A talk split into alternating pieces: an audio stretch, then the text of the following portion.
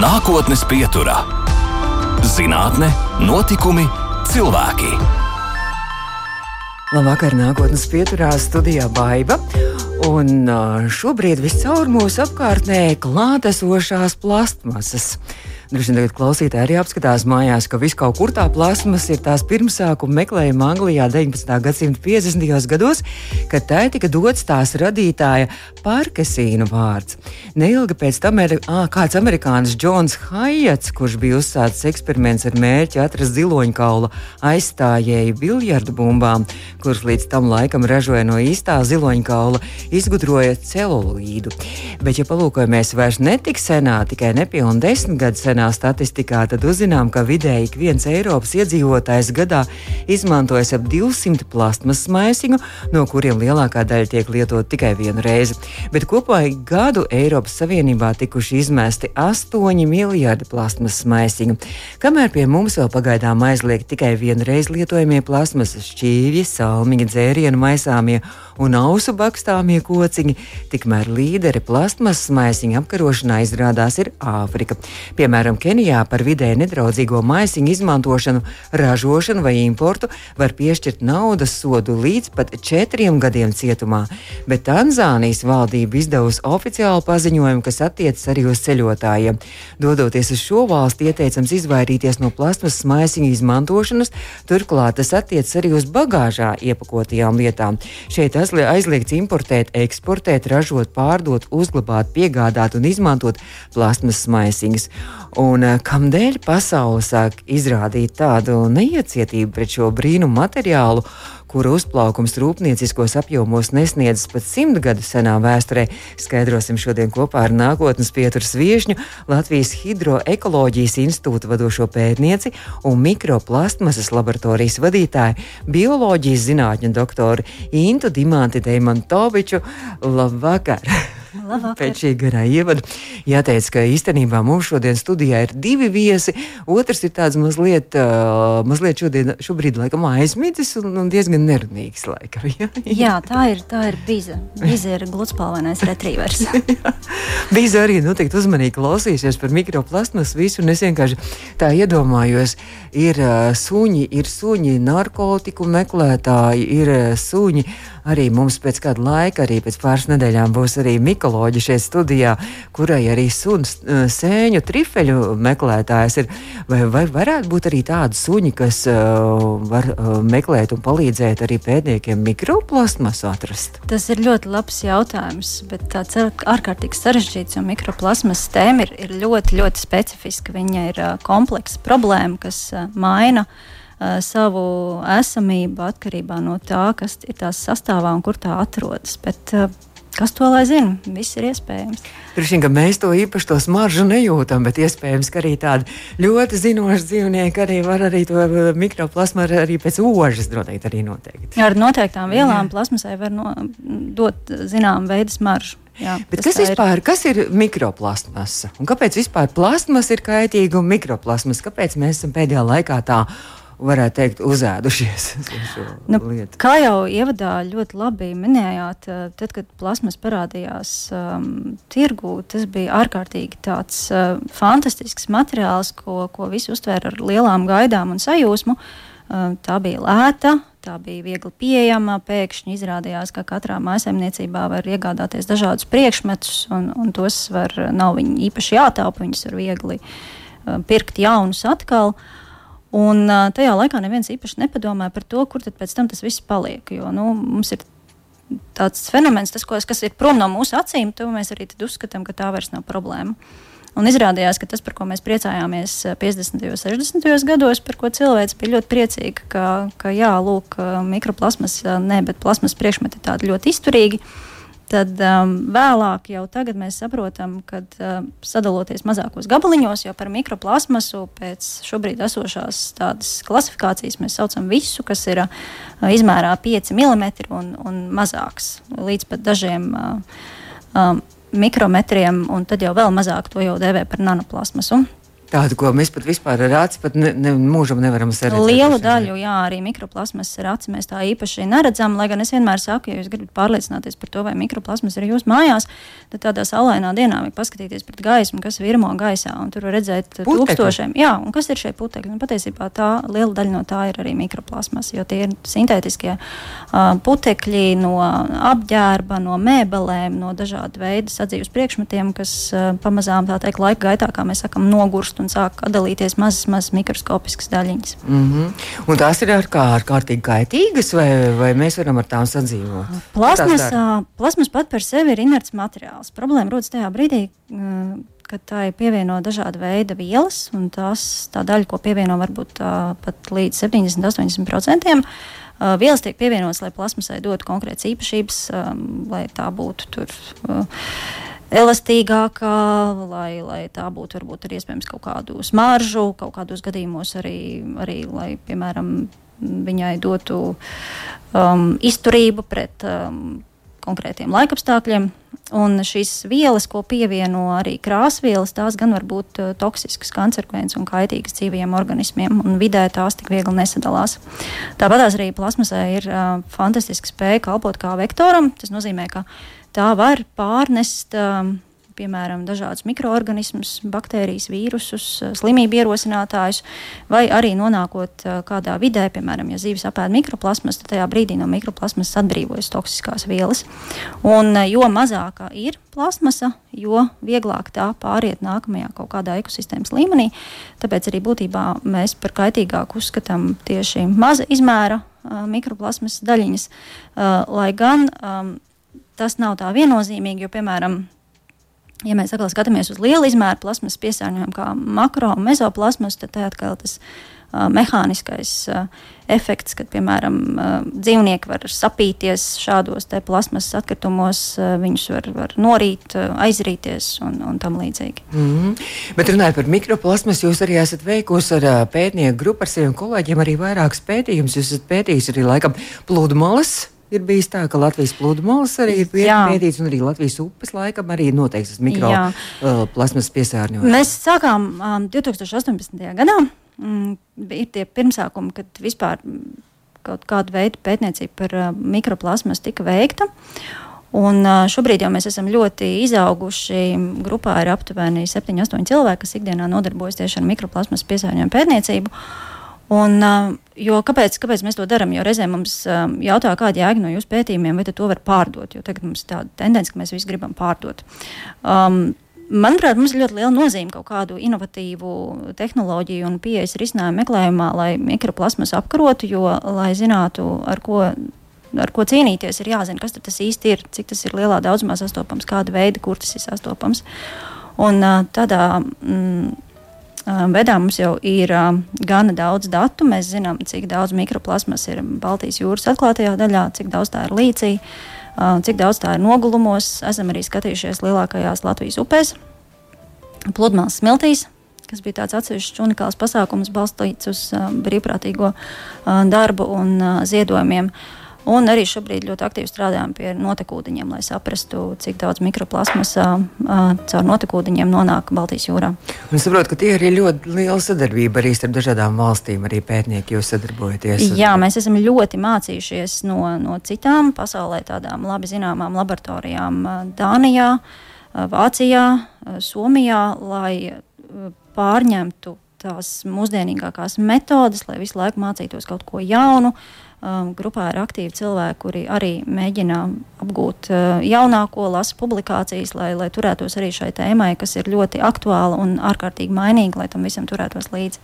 Es lasīju, ka pirms pāris gadiem vai pirms vairākiem gadiem, ka jūsu mikroplasmas laboratorijā arī jūs ievācāt tos paraugus, bet tieši sadarbība bija būtiska, tāpēc, ka jūs braucāt uz citām valstīm, uz laboratorijām arī to visu pētīt, un mums nebija laikam tā aparatūra, vai tagad Latvijā ir jums? Mēs sākām būtībā tiešām no nulles, jo 2000 2018. gadā es pārcēlos no Norvēģijas uz Latviju. Man bija prātā šī jaunā tēma, jo es par to biju dzirdējis Norvēģijā. Man gribējās turpināt savu, savu karjeru un zinātnisko izaugsmu Latvijā, kas ir, kas ir mana dzimtā zeme.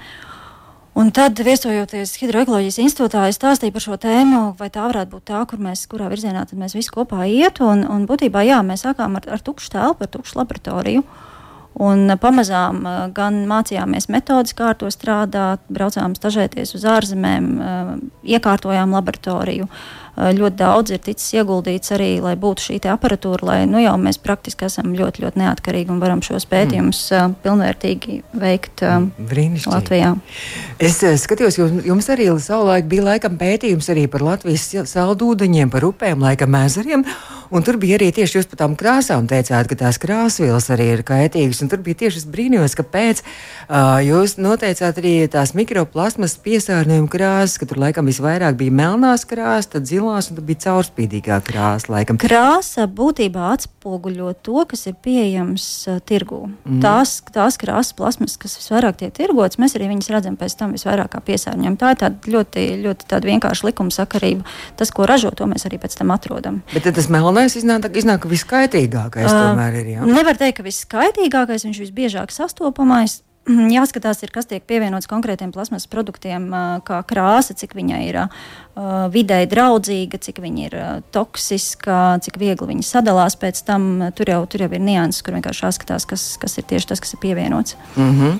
Bet kā var cīnīties ar to šo mikroplasmas? Labi, es saprotu, ar, ar šiem plasmas maisiņiem, ar plasmas pudelēm, tagad arī pētpudelēm, tās mēs varam tagad depozītu sistēmu, jo pamazām mēs jau tiekam izglītot un audzināt un nodot un, un viss pārējais, un plasmas maisīgs varbūt arī nemetam ārā gluži zemē, bet uh, ar mikroplasmas piesāņojumu piesārņojumu?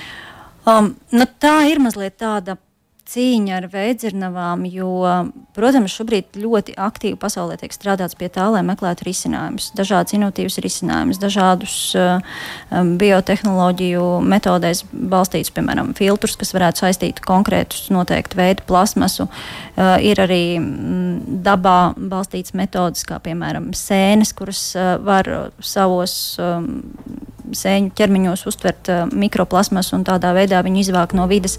Uh, metodas pilnīgi noteikti tiek meklētas, tiek eksperimentētas, bet pagaidām, lai teiktu, ka ir kaut kāda tāda metode, kas izglābs pasauli, pilnīgi noteikti nē. Nu, arī, protams, tas, ka uh, zinātnē ir nepieciešams finansējums, jo eksperimentālie darbi, lai viņi būtu faktos ticamos balstīti, nevis tikai uh, um, skaisti prezentēt, viņi, tas, tas, tas ir dārgi. Mikroplasmas kā pētniecības uh, joma ir dārga. To es nekad neesmu slēpusi, kad mm. mums nāk un cilvēki jautā, cik, cik tas ir dārgi vai lēti analizēt paraugus. Bet tas, ko mēs varam darīt, um, Tur, es domāju, drīzāk jādomā par nākotni, cik mēs ilgspējīgi patērējam vispār plasmas kā materiālu, jo ir noteikti jomas, nozares, kur plasmasas patēriņu nesamazinās, nu, piemēram, medicīna. Bet tajā pašā laikā ir arī jomas, vai arī tīri katram mums personīgi ikdienas dzīvē, kur mēs noteikti to varētu patērēt mazāk. Tāpēc arī mēs kā institūts ļoti uh, esam uh, virzīti uz to, lai uh, strādātu ar um, skolēniem, ar bērniem, lai um, sniegtu viņiem informāciju, lai viņus izglītotu, lai iesaistītu un attēlot šo vidas problēmu. Jo nu, jā, nākamā paudze ir tā, kurai būs visas mm -hmm. iespējas lemt, kā tālāk būs. Tūlīt parunāsim arī par vienu šādu projektu, bet, bet nu, tradicionāli mums ir tā, ka mūs mierina nu, plasmas nu, it kā ilgi, bet nu, tomēr pēc kaut kādiem 400, 500 gadiem sadalīsies vidē un, un izzudīs tā mikroplasmas. Kā tas ir īstenībā? Jo laikam jaunākie pētījumi kaut ko citu arī saka. Jā. Nu, es vienmēr saku, ka neviens jau tos 400-500 gadus vēl nav sagaidījis no pirmā plasmas materiāla, lai varētu tā izsacināt, kā tad īsti būs. Um, Mums ir bijuši skolēnu eksperimentālie darbi ar um, tā saucamo bioplastmasu, kurai būtu bioloģiski jānoārdās. Jāsaka, ka nemaz tik ātri tas pat ar šādu plasmasu nenotiek, kur nu vēl ar to, kas nav bioloģiski noārdāmā plasmasa. Uh, tie pilnīgi noteikti ir vairāki simti, vairāki tūkstoši gadu, bet, ja mēs paskatāmies tajā līknē, ar kādu tiek plasmasa saražota, tad mēs redzam, ka tas piesārņojums uzkrāsies daudz, daudz straujāk nekā mēs varbūt sagaidītu, ka viņš izzūd. Līdz ar to tā prognoze nav ļoti optimistiska. Un tajā pašā laikā, ja mēs sakām, ka mēs ļoti varbūt, tīru un ekoloģisku pārtiku lietojam, tad jūs teicāt, ka šīs sēnes varbūt arī uzkrāja kaut kādas mikroplasmas gabaliņas. Tagad sēņu laiks ir, varbūt mēs ēdam kilogramiem to mikroplasmasu. Es domāju, ka mēs pilnīgi noteikti ēdam plasmasu, jo skatoties dažādās dabas matricās, kā piemēram ūdens nogulums, miltis, augsne, notekūdeņi, mums nav neviena parauga, kur mikroplasmas nebūtu. Viņi patiešām nu, jau ir visur. Jautājums ir tikai par to daudzumu Um, uz to skatoties, jā, Latvijā tās, tas mikroplasmas piesārņojums nav tādā koncentrācijā, kā, piemēram, varbūt citās, it sevišķi Āzijas valstīs. Uh, Tas viss ir, viss ir mūsu rokās, kā, kā būs tālāk. Mm -hmm. nu, tad jaunā paudze arī, kas tiek izglītota un arī pievērsta šai problēmai, tūlīt, tūlīt sāksies laikam septembris, arī 1. septembris un jaunais skolas gads sākās, un burtiski arī nedēļu pēc jaunās skolas gada sākuma arī sākās viena tāda milzīga kampaņa, kurā, kurā Latvija arī ir iesaistījusies. Jā, valstis. mums šobrīd ir tādas divas, manuprāt, foršas lietas, ko mēs piedāvājam iesaistīties arī skolēniem bērniem. Um, viena lieta ir, ka septembrī notiek dzīslas dienas, un tad uh, par godu dzīslas dienām ir iespēja vēl joprojām divas nedēļas līdz pat, ja nemaldos, 14. septembrim, var iesūtīt uh, vidusskolēni uh, dzēju par mikroplasmas. Mums ir uh, atsevišķi tam radīta e-pasta adresīte mikroplasmas at lhei.lv, bet arī to var noteikti atrast. Uh, mūsu Facebook lapā, un tur var izpausties radoši un sūtīt, nezinu, sākot ar tautas dziesmām, beidzot ar haikām. Tā ir tāda viena. Mikroplasmasa ETL, tā kā Latvijas Hidroekoloģijas institūts, Jā. LHI. Jā, mhm. tieši tā. Mhm. Un otra ir Eiropas mēroga kampaņa, kas saucās Plastmasas pirāti. Um, kas ir burtiski tagad, tūlītās jau sākusies. Esam palaiduši preses relīzi Latvijā sadarbībā ar uh, Vides izglītības fondu tā ir iespēja uh, pētīt uh, mikroplasmas piesārņojumu Latvijas upēs. Un pēc tam visi šie dati no visām tām Eiropas valstīm, kas iesaistās, tiek likt kopā, lai skatītos, kāds ir tas kopējais Eiropas upju sloks. Um, kas tiek ar upēm aiznests uz, uz jūru, jo mēs zinām, ka visi savā starpā ūdeņi ir saistīti un būtībā plasmas radās sauszemē, bet viņas tas uh, beigu uh, uzkrāšanās punkts ir jūra. Tieši tas polos vairāk. Jā, laikam, dēļ straumēm, dēļ, dēļ ūdeņu kustībām polos ir visvairāk. Tur viņai tendence ir koncentrēties. Un tā nu mēs uh, gribam redzēt, kā ar upju ceļiem viņi tiek aiznest uz jūru, un līdz ar to uh, Latvijas uh, skolēniem, 8. līdz 12. klase. Pulciņiem, interešu grupām ir iespēja iesaistīties, sazināties ar mums, saņemt sev lietošanā tādu pavisam īstu zinātnisko mikroplasmas ievākšanas tīklu un sev tuvākā upē pēc instrukcijām, pēc rokas grāmatas, ko mēs arī iedosim iespēju skatīties, cik daudz kāds ir tas mikroplasmas piesārņojums. Ah, tā kā ar tīklu, nevis ar kaut kādiem traukiem, burciņiem. Nē, tas ir tīkls, jo ir vajadzīgs noteikts daudzums ūdens, kas ir jāizfiltrē cauri tīklam. Mēs darām tieši tāpatās. Mm. Mums varbūt ir mazliet tāds advancētāks ūdens plūsmas mērītājs, lai noteiktu to daudzumu, bet šajās instrukcijās viss ir aprakstīts, kā to darīt. Un, jā, un tā ir tāda lieliska iespēja nodarboties ar tā saucamo amatieru zinātni, um, kas pēdējā laikā ir ārkārtīgi populāra Eiropā, un ne tikai Eiropā, kur um, cilvēki, kuriem ir interese, bet kuri nav profesionāli zinātnieki, viņi var uh, pielikt savu roku pētījumā un tādā veidā sniegt mums uh, ļoti nozīmīgus datus. Jo pēc tam šie tīkli tiks sūtīti mums, mēs skatīsimies, kas tur ir iekšā, analizēsim, noteiksim, liksim to lielo bildi, kā tas viss Eiropas mērogā izskatās. Brīnišķīgi. Brīnišķīgi. Tātad, jebkurš, jebkurš vidusskolēns vai kāds pulciņš vai skolotājs, ja šobrīd interesē, var, var pieteikties. Jā, tieši tā, skolotāji var mums rakstīt, sazināsimies, izskaidrosim, kas un kā. Gan mums, gan vidas izglītības fondam var sazināties, izskaidrosim, kas kā jādara un kādā laikā tas notiek. Un, uh, 2. septembrī mēs būsim Bānīšu svētkos Gulbenē ar institūta telti. Tur arī varēs pie mm. mums pienākt un, un saņemt tīkli ar interesi. Kā, tas jau tūlīt, tūlīt jau tieši tā, mēs jau, esam ļoti jau, aktīvi tādā ziņā. Jau sestdien tas nozīmē, jā, jā. jā. Tie, kas dodas uz Gulbenu uz Bānīšu svētkiem, tad var droši arī meklēt arī rokā. Mūsu šodienas viešņu bioloģijas zinātņu doktoru Intu Dimāti Demantoviču. Nākotnes pieturā. Turpinām nākotnes pieturu šo redzējumu. varat noklausīties arī pēc tam mūsu mājaslapā, audio sētē, aizlūgt mūsu čevīnu lietas. Un arī podkāstos lielākajās vietnēs Latvijas Hidroekoloģijas institūta vadošā pētniece un mikroplasmas laboratorijas vadītāja bioloģijas zinātņu doktore Inte Deimante, uh, Dimante Deimantovičs, atvainojos, ir mūsu studijas viesi šodien. Un, uh, Inti, jūs jau tā ieteicāties pirms brīža, ka tad, kad jūs vēl atgriezāties no Norvēģijas, un jūs gandrīz desmit gadus pavadījāt arī Norvēģijas dabas izpētes institūtā, kā pētniece strādājāt arī. Jā, tā, tā bija. Es aizbraucu, jo man gribējās iegūt uh, jaunu pieredzi, paskatīties, kas notiek, kas notiek ārzemēs. Uh, es arī braucu personīgi apsvērumu dēļ, uh, tajā laikā līdz savam uh, nu jau vīram. Uh, Un, uh, sākumā mēs domājām, ka tie būs nu, divi, trīs gadi, bet uh, kas beigās um, izvērsās kā, kā gandrīz veseli desmit. Aizbraucām mēs um, divi ar vienu kaķu un atgriezāmies ar diviem kaķiem un diviem bērniem. Tā kā dzīve uzņēma apgriezienus. Un jūs Norvēģijā arī jūs strādājāt to, ko jūs jau bijāt pirms tam, pirms mikroplasmas sākuši šeit pētīt Latvijā zooplanktonu pētniecību. Jā, es strādāju par um, Saldūdens ekologa, kas ir mana primārā sfēra, tāda ļoti akadēmiska bioloģijas joma. Mm, zooplanktonu es sāku pētīt ļoti, ļoti sen, jo arī manā laikā vidusskolā bija tie saucamie projektu darbi, un tad, kad man bija kaut kādas, tagad jau neatceros, 15, 16 gadi, tad man um, ieteica, ka varētu braukt uz universitāti konsultēties un um, mēģināt uh, pētīt zooplanktonu, kas man likās ļoti fascinējoši. Zooplanktons ir tādi mazi uh, uh, mikroskopiski brīvi peldoši organismi Tie ūdenī. Tie ir dzīvnieciņi, mm -hmm. jā, tāpēc tas ir zooplanktons, tāpēc nu, tā kā mm -hmm. zoo tieši kad, kad dzīvnieki, jo ir arī fitoplanktons, kas ir augu planktons. Un uh, tie ir uh, gan veltņu tārpi, gan vēžveidīgie. Man tā lielā mīlestība ir tieši uz vēžveidīgajiem. Un um, tā nu es, jā, tajā vecumā uh, Es braucu ar, ar stopiem, braucu uz uh, Lielaudas ezeru, kas bija tā mana pirmā pētniecības vieta, jo es dzīvoju Aucēm.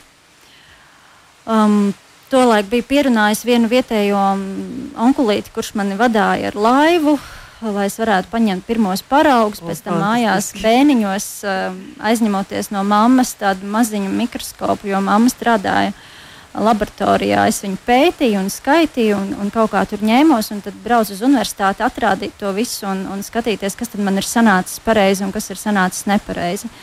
Nu, un kaut kā šī joma man ļoti aizrāva, un, un ar to es arī nodarbojos ilgus gadus. Un, uh, tagad vēl joprojām es pat nevarētu teikt, ka es tur esmu iekšā ar vienu kāju, tur varbūt esmu ar viens kājas mazo pirkstiņu. Bet, um, jā, man ļoti patīk apmācīt cilvēku šajā jomā un redzēt, ka tas turpinās, jo zooplanktons ir ārkārtīgi svarīga um, ūdeņu ekosistēmas sastāvdaļa. Viņš atrodas pa vidu zivīm un augu planktonam. Respektīvi, zooplanktons barojās ar augu planktonu, un pēc tam viņi tālāk apēd, apēd zivis, un tā notiek šī barības vielu pārnese. Jums arī disertācija doktora bija arī promocijas darbs Latvijas dziļu ezeru pelagiāla zooplanktona faunistiskās un laiktelpiskās struktūras raksturojums. Nu, tik sarežģīts nosaukums, un tad es gribu vaicāt, kas ir pelagiāls. Pelagiāls ir brīvā ūdens zona, jo parasti ezeru mēs dalām vairākās zonās. Mēs varam runāt par litorāli, kas ir piekrastes augu augāja zona, par pelagiālu, kas ir brīvā ūdens zona, un par bentālu, kas ir jau vairāk piegrunts slānis. Katram no šiem te, um, biotopiem ir raksturīgi savi ekoloģiskie apstākļi, kas arī nosaka, kādas sugas tur mīl uzturēties un kāda ir viņa nozīme. Un tad tas pelagiāls tajā virspusē ir, bet es saprotu, ka tas zooplanktons pārvietojās un viņš tā kā, tā kā rotē. Viņš brīžam ir augšā un brīžam ir lejā. Ja? Jā, neskatoties to, ka tie tādi mazi maz zvēriņi varētu domāt, nu, ko tur daudz viņiem tādas mazas maz smadzenītes, ko viņi tur daudz var sadomāt un izdarīt, bet um, zooplanktonam ir raksturīgas tās saucamās diennakts vertikālās migrācijas. Un, piemēram, jūrās un okeānos ir aprēķināts, ka tās migrācijas, ko veic jūra un okeāna zooplanktons, ir pēc masas apjoma ziņā lielākās pasaulē. Jo tad visi tie mazie, mazie mošķīši peld eh, regulāri uz augšu, uz leju. Kāpēc viņi to dara? Mm -hmm. Lai uh, meklētu sev optimālos dzīves apstākļus. Tādā veidā viņi izvairās no plēsējiem, kas medī vizuāli, zivīm. Un viņi meklē arī vietas, kur, kur viņiem ir labvēlīgāk baroties. Un tas tā notiek tīri instinktīvi, kur parasti pamatā ir gaismas tumsas cikls. Kāpēc viņi to dara un saprot, ka viņiem tas ir jādara? Jo, piemēram, Arktikā, kur um, polārā diena mijās ar polāro nakti, tur tas viss notiek bišķiņ citādāk. Uh, Bet uh, es tieši skatījos um, zooplanktonu migrācijas Latvijas uh, dziļajos ezeros, mm -hmm. uh, pētīju tādus ezerus kā, kā Drīdzes, Ilza Garāņamova, kas ir viena no tiem skaistākajiem Latvijas ezeriem. Bet nu, tas nozīmē, ka 24 stundu laikā tas cikls iziet, tad ir tas gaišajā laikā viņi ir augšpusē tajā, tajā ūdenī vai, vai lejā. Tur arī jāskatās mentālā. ļoti no, no apstākļiem, kāds ir, kāds, piemēram, ir zivis, kas viņus medī, jo šīs migrācijas var arī mainīties sezonāli, viņas var mainīties arī, piemēram, pilsētu mākslīgais apgaismojums var ietekmēt to, kā zooplanktons uzvedās. Tur ir tur ļoti daudz dažādi apstākļi. Jo, um, ekosistēmas ir tā, tā diezgan kompleksa. Uh, padarīšana, bet nu jā, zooplanktonam tam visam pamatā ir, ir mērķis atrast tos optimālos uh, dzīves apstākļus, kas, kas ļautu viņam būt tādam traknam, smukam, vairoties spējīgam. Tas ir tas zooplankton. Nu, tā sanāk, jā. Jūs minējāt arī par to polāro dienu un polāro nakti, ka tur savādāk ir. Un, un tas jau arī laikam saistībā arī ar Norvēģiju. Jūs pat arī vadījāt ekspedīciju uz Arktiku, ja nemaldos, arī uz Svalbāru, arī, kas ir arktiskā zona arī Norvēģijā. Nu, jā, nu, tur tas stāsts ir par to, ka, kā reizēm saka, uzmanies kādu domu tu palaid pasaulē, jo viņi var piepildīties, jo tad, kad bija darba intervija, Norvēģijas dabas izpētes institūtā. Man tā pajautāja, nu, kas ir tas, ko tu gribētu kā mērķi īstenot Norvēģijā. Un toreiz, savos 20 cik tur gados, es tā daudz nedomāju, teicu, nu, jā, Norvēģijā ir šīs te Arktikas teritorijas. Man liekas, ka būtu forši pastrādāt Arktikā un, un, un papētīt tur zooplanktonu. Un tā nu sagadījās, ka pēc kaut kāda laika patiešām tas tika īstenots ar dažādiem projektiem. Uh, Un, uh, man liekas, tas projekts bija tiešām fantastisks tādā ziņā, ka mēs bijām tāda daudzveidīga komanda, kas devās uz Arktiku, uz Svalbāru, lai uh, apmeklētu ekspedīcijā visas tās vietas, kuras kādreiz bija aprakstījuši norvēģi pētnieki pirms simts un vairāk gadiem. Ja mums interesē, kā viņas ir mainījušās. Jo Arktikā visvairāk var izjust um, klimata izmaiņas, un tad mēs gribējām redzēt, kāds ir šis uh, ekosistēmas dīķi un mazie ezeriņi šodien. Izrādījās, ka daži no viņiem vispār neeksistē, jo klimatu pārmaiņu rezultātā viņi bija izzuduši.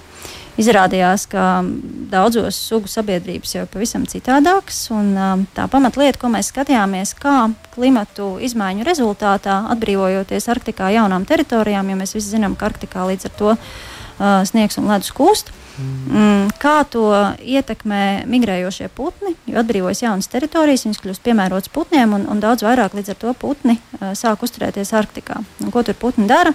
Viņi ne tikai tur dzīvojās, ēd, barojās, bet viņi arī attiecīgi atstāja sevis izkārnījumus, kas ir papildus barības vielas, papildus sloks ūdens ekosistēmām. Un tas ļoti ietekmē uzreiz pēc tam to visu, kādas sugas tur dzīvo, jo ar papildus barības vielām ūdens sāk kā mēs sakām, ziedēt, tur savairojās aļģis, tas vairs nav tik dzidrs, un tas viss aiziet tādā, tādā jau ķēdes reakcijā, kā sniega bumbas efekts no kalna. Bet jūs pētījāt arī droši vien tos brīvos ūdeņus, bet arī to, kas zem ledus atrodas, arī bija kaut kāda mēs, urbumi. Mēs tieši ne? skatījāmies um, brīvos ūdeņus, mēs arī mūs interesēja, mums bija atsevišķs projekts par to, kā kūstot ledājiem, izveidot šīs jaunās, mazās uh, saldūdeņu ūdens tilpes, uh, un kuras ir tās pionieru sugas, kas tur pirmās parādās. Tad, skatoties, kāda ir distance no ledāja, cik veca ir šī ūdens tilpa, kā, kāds ir sugu sabiedrības tajā. Bet tad, tomēr jūs nolēmāt kaut kādā brīdī tomēr, dot, dot priekšroku Latvijai atgriezties. Un tas bija ļoti laikam jau neracionāls, bet vairāk emocionāls lēmums, jo mums uh, abiem ar vīru bija skaidrs, ka mēs vēlamies dzīvot Latvijā, mēs vēlamies, lai mūsu bērni aug Latvijā, mēs vēlamies, lai viņi runā uh, latviešu valodā un lai viņi iet skolā Latvijā. Un tad, kad tas brīdis pienāca, kad vecākajam bērnam, manai meitai Ilvai Astrai bija jāsāk pirmā klase, tad jau gadu pirms tam mēs nolēmām, ka nu, tagad, un tieši tā arī sagadījās, ka Latvijā bija iespēja pieteikties pētniecības projektiem, un, un tad, jā, tad mēs nolēmām, ka, nu, ka tagad ir tas brīdis, bet, bet nu, tas nebija viegli. Un, Tā pašā laikā arī jāsaka, es neesmu īpaši nožēlojis šo lēmumu. Šajā vasarā ciemojoties Norvēģijā, apmeklējot savus bijušos kolēģus, es sapratu, ka ir labi, kā ir. Bet var arī salīdzināt, piemēram, pētnieku šos kolektīvu un pētnieku organizācijas Norvēģijā un Latvijā, kur ir labāk? Vai, vai tā var salīdzināt, vai nevar salīdzināt? Man gribētos teikt, ka iespējas ir visur. Tas ir vairāk atkarīgs no paša, cik ļoti daudz tu gribi neatlaidīgi strādāt un darīt. Un varbūt um, Latvijā pat ir interesantāk to veikt, jo Izaicinājumi lielāk. ir izaicinājumi, ir vairāk un, un, un iespējas ir plašākas. Jo, piemēram, ar mikroplasmasu jau Norvēģijā nodarbojās. Par mikroplasmasu uzzināju, tāpēc, ka mums bija tāda brokastu semināri Norvēģijas dabas izpētes institūtā, uz kuru kādā dienā ieradās liela ķīniešu delegācija un stāstīja par šo piesārņojumu Ķīnā. Un tad man liekas, ka tā ir tāda jauna, inovatīva tēma, un es to varētu mēģināt saistīt ar, ar savu saldūdeņu tēmu. Tāpēc arī man tas pētījuma uh, projekts Latvijā bija par, tieši par mikroplasmas saldūdeņos. Bet, bet jā, nu, protams, atkal atgriežoties pie vecā labā finansējuma jautājuma, tādā ziņā Norvēģijā varbūt tās iespējas ir lielākas, bet tajā pašā laikā mēs Latvijā esam ļoti izdevumus bagāti, kā arī ar salīdzinoši nelielu finansējumu veikt kvalitatīvu pētījumu. Labi, mēs turpināsim pēc brīža pētniece, bioloģijas zinātņu doktora Inta Dimanta Dēmantoviča šobrīd ir mūsu studijā. Nākotnes pieturā - zinātne, notikumi cilvēki. Turpinām nākotnes pieturu zinātnē, notikumu cilvēku un radījumu noslēdzošā jau daļa ir. Un mūsu studijā ir viesne Inta Dimanta Deimantoviča, eh, Latvijas Hidroekoloģijas institūta vadošā pētniece un arī mikro, mikroplastmasas laboratorijas vadītāja. Mēs vēl varam vēl vienreiz atgādināt, ka tātad uh, visi var pievērst jauniešu uzmanību, 8 līdz 12 klašu jauniešu pievērst uzmanību, ka tūlīt, tūlīt būs iespēja arī kļūt par tādiem, kā jūs teicat, amatieru zinātniekiem. Vai plasmasas pirātiem, kā saucās šī kampaņa. Jā. jā. Tā, kā, tā kā varētu būt ļoti, man liekas, aizraujoši un arī interesanti un dot arī savu ārtavu arī šajos pētījumos. Jā, jo starp citu, kāpēc to sauc par plasmasas pirātu kampaņu? Tāpēc, ka sanāk, ka darbojoties šajā kampaņā, jūs nolaupat plasmasu nu, izlaupat viņu, mm -hmm. savācat no, no vidas, oh, no upēm, aha. izvācat ar tīklu un sūtat mums. Tāpēc arī tāds nosaukums ir. Bet cik ilgi turpināsies šī kampaņa? Uh, šī kampaņa Latvijā šobrīd mēs viņu uzsākam, lai viņi sāktu vispār, vispār darboties. Uh, Ņemot vērā mūsu laikapstākļus, um, upēs varēs darboties un vākt paraugus tagad, septembrī, oktobrī. Mums ir doma, ka no novembra sākumā mēs, mēs beidzam tīklus dalīt un paraugus ievākt, jo tad jau varbūt ir ļoti slikti laikapstākļi un paliek tumšs un varbūt pat sniegs. Uh, tad tālāk ir darbs mums, ka mēs saņemam visu atpakaļ, skatāmies, kas tajos tīklos ir saķerts, kas tur ir iekšā. Datus apkopojam, vadām iekšā lielajā sistēmā, kur arī citu valstu pētnieki viņus ir savadījuši un tad jau pēc tam tiek um, prezentēti rezultāti. Bet nu, mērķis ir patiesībā, lai šī kampaņa būtu dzīvot spējīga arī pēc tam, lai mēs varam piesaistīt uh, iespējams kādu finansējumu un dot iespēju arī tālāk nākamajās sezonās jauniešiem turpināt. Es skatījos Vāciju, Portugāli, uh, Grieķiju, Itāliju, Bulgāriju, nu, 12 Eiropas valsts, kā mēs runājam. Jā, bet šim skaitam ir um, tendence palielināties. Es zinu, ka tagad pavisam uh, nesen ir Gruzija pievienojusies arī. Uh, un, un arī mūsu tuvākie kaimiņi lietuvieši ir arī piedalījušies šajā plasmas pirātu kampaņā. Tā, kā, jā, tā ir tā tiešām interesanta lieta, kur var pamēģināt, kā tas ir būt pētniekam. Um, vai jau ir, piemēram, jau kaut kāds nojaušams, varbūt kaut kāds prognozes, uh, vai ja jūs arī uh, salīdzināsiet, kurā valstī ir lielākie piesārņojumi un kuras valsts ir salīdzinoši tīrākas? Mēs aptuveni jau nojaušam, ir skaidrs, ka pie mums ir tīrāks nekā, piemēram, Dienvidu valstīs, Grieķijā, Itālijā. Un es domāju, ka to katrs arī vizuāli var novērtēt un redzēt, ja tam pievērš uzmanību. Uh, esot tur, redzēt, ka tur tā plasmas piesārņojuma problēma ir izteiktāka. Mm, man ļoti interesē paskatīties, kāda būs rezultāti mūsu upēs. Ir sevišķi tā ir viena upe, kur um, skolēni um, skatīsies mikroplasmas dažādos posmos. Jo mēs līdz šim esam skatījušies lielākajās Latvijas upēs, kas ir uh, Daugava, Gauja, uh, Salaca un Lielupe. Un es skatījos, ka salats bija laikam visnetīrākā. Jā, ja? salats ir visnetīrākā, bet nu, tur ir konkrēts piesārņojuma avots, par ko mēs varam runāt, no kurienes tas viss nāk. Bet, eh, bet nu, salacā tiešām šobrīd izskatās dramatiski, jo jau lielupē ir vismazāk, un, un lielupē Daugavā gaujā mēs runājam par daļiņu skaitu uz kubikmetru, kas ir tur 8, 10, varbūt 11 daļiņas, tad salacā tie ir simti. Mm -hmm. nu, bet, tad jūs noteiksiet arī kaut kā mm, tās upes un tos tās ūdens tilpes vai ezerus, kurās, kuros konkrētiem skolēniem ir jādarbojas, vai viņi paši var izvēlēties? Skolēni var izvēlēties paši. Tā var būt arī piemājas upīte. Galvenais, lai viņi ir gana, gana dziļa un ūdens ir kaut kāda ūdens trauma, kas plūst cauri, lai to tīklu var ievietot. Tātad tiem vajadzētu būt kaut kādiem vismaz 15, 20 centimetriem.